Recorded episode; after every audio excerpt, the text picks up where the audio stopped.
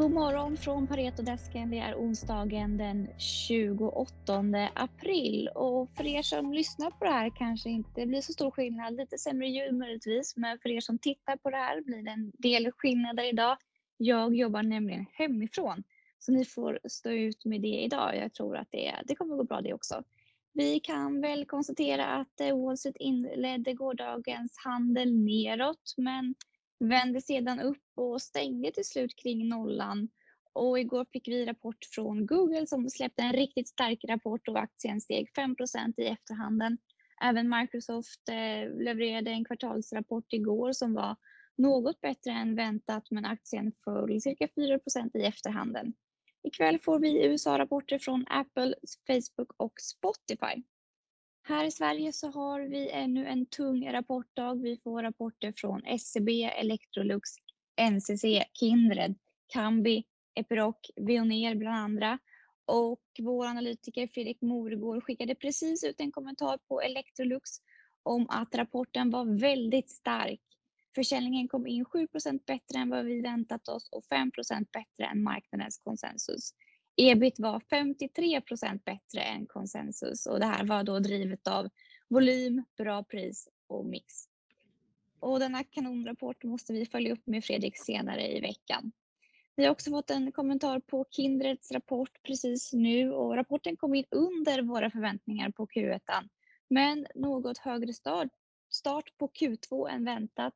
Och vi ligger ju ganska högt så rapporten var i linje med eh, marknadens konsensus. Och fördelen med att jag eh, jobbar hemma är att jag sitter precis vid datorn så jag såg nu att Marlon Wernick även skickade ut en kommentar på Kambi som eh, släppte en, en bra kvartalsrapport. Den var i linje med våra förväntningar på både försäljning och ebit. Idag på Paretos morgonmöte har vi gjort några estimatjusteringar efter rapporterna.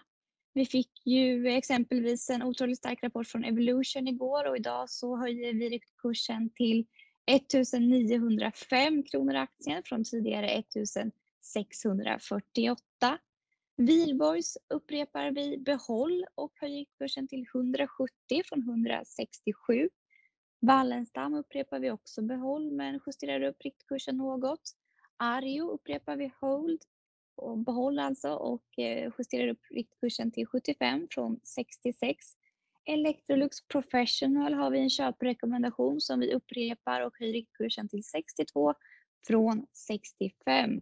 Och sen har vi några verkstadsbolag också som vi ska gå igenom med Anders Roslund. Vi upprepar köp på Alfa Laval, höjer riktkursen till 340 från 300. Atlas Copco upprepar vi sälj, justerar upp riktkursen till 510 från 480. Och ABB upprepar vi köp och vi upprepar vår riktkurs. Anders Roslund, vad tycker du om eh, verkstadsrapporterna så här långt? Ja, det som sticker ut är väl framförallt orderingången, det som är framtidsinriktat. Det har dragit iväg eh, betydligt bättre än förväntat för nästan alla bolag.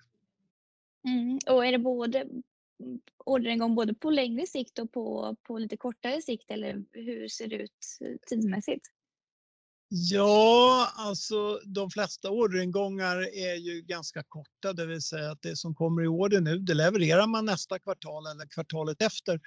Undantaget är i marinsektorn till exempel, där, där det kan ta upp till eh, sex månader och det är också i gruvbranschen och, och vissa andra projektbaserade som i ABB kan det också ligga 6-12 månader framåt. Men i allmänhet så, så kommer de här orderingångarna leda till väldigt mycket högre försäljning här i Q2 och Q3 och, och resten av 2021. Mm. Vilka rapporter tycker du så här långt har varit starkast då? Ja, eh, då pratar jag inte om eh, så att säga marginaler och försäljning. Eh, för då kanske Volvo sticker ut som den absolut bästa. Eh, men tittar vi just på orderingången så är det faktiskt Alfa Laval som kom här igår. Det var en väldigt eh, imponerande orderingång och Atlas Copco. Eh, men Alfa Laval var ju framförallt vändningen i världens varvsproduktion som nu börjar synas. Den var nere på 30-årslägsta förra året med ungefär 800 båtar beställda och nu ligger takten på kanske det dubbla. Det kan bli uppåt 1600 båtar beställda i år och då betyder det att det blir väldigt mycket att göra för Alfa Laval de kommande åren. Mm, och du har ju en köprekommendation och du har höjt kursen på Alfa idag. Är det just det här som du tycker är caset? Ja, Alfa har ju också eh, tydliga miljö, alltså ESG-kvaliteter. Eh, och de har kommit bort lite på grund av den här nedgången i varvsindustrin.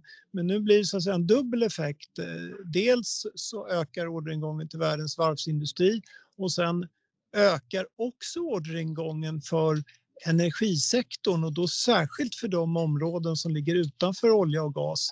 De växer väldigt kraftigt och det är eh, plattvärmeväxlare som går till, till husbyggnation och kontor och, och eh, minskar energiförbrukningen.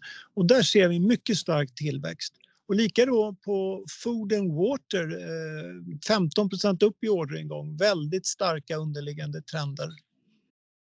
Mm. Och Atlas Copco då, om vi kan säga några ord om det bolaget. Ett riktigt kvalitetsbolag. Du har ja. kursen men du tycker fortfarande att den är lite dyr aktien? Det är jobbigt att ha en säljrekommendation på Atlas när det är så fantastiskt bra och överraskar också med en helt makalös orderingång på eh, eh vakuumpumpar som ju går till halvledarsektorn och den orderingången var upp 38 procent. Och det drog upp hela Atlas orderingång med 18 procent, vilket är eh, urstarka siffror.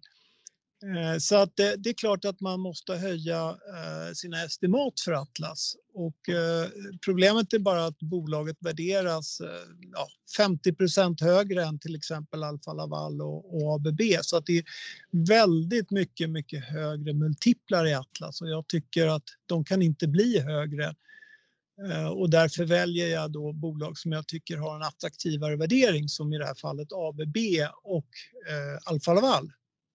Mm, och ABB kom ju med omvänd vinstvarning förra veckan och eh, släppte sin eh, fullständiga rapport igår och då var till och med marginalen bättre än vad de tidigare kommunicerat. Ja, det är ju överraskande att den eh, gick upp då till 13,8 procent istället för annonserade 13,5.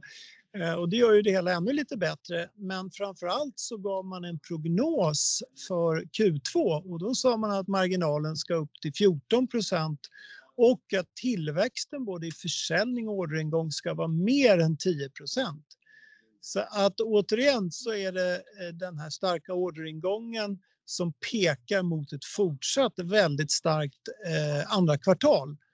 Och det gör att mm. ABB-case verkligen, det håller vi fast vid och, och, vi tror att det är en av de bästa placeringarna i verkstadsindustrin just nu.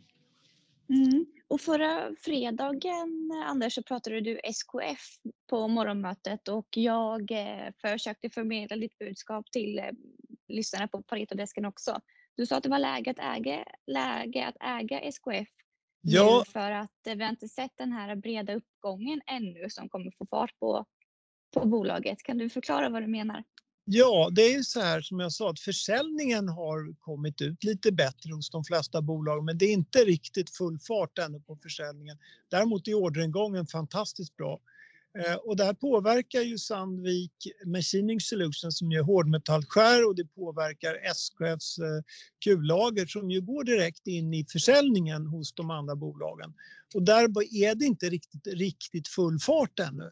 Men det här pekar ju på att när vi kommer in i Q2, Q3 och Q4 då kommer ju SKF att leverera till alla de här produktgrupperna eh, vad det nu är, kompressorer eller vakuumpumpar. Eller, det finns ju, det finns ju eh, kullager i alla de här eh, applikationerna. Så att jag förväntar mig att trots att inte SKF kom ut med så fantastiskt bra rapport i Q1 så har de eh, väldigt de här orderingångarna i alla, alla, andra bolag visar ju vad stark efterfrågan kommer att bli för SKF och även för Sandviks hårdmetallskär under resten av året. Mm. Så om vi eh, knyter ihop eh, verkstadssäcken här nu så att om jag får tolka det rätt så är dina topics ABB, SKF Sandvik, Alfa Laval? Ja, och sen har vi, jag följer inte Volvo, men det är ju ett av, av våra topics i, i eh, verkstadssektorn också. Mm. Ja, spännande. Tack så mycket Anders Roslund. Mm, tack så mycket. Och tack så mycket för att ni har lyssnat. Jag hoppas att ni tycker att eh, den här lösningen fungerar ganska bra. Pareto Podcast kommer alldeles strax ut. Vi pratar teknisk analys, så är man intresserad av det, vilket jag tycker att man ska vara för att det, det känns som ett spännande komplement till vår annars fundamentala analys vi håller fast vid här på Paretodesken. Men in och lyssna på Pareto Podcast senare idag om teknisk analys. Tack så mycket för att ni har lyssnat. Lycka till idag under den här tunga rapportdagen.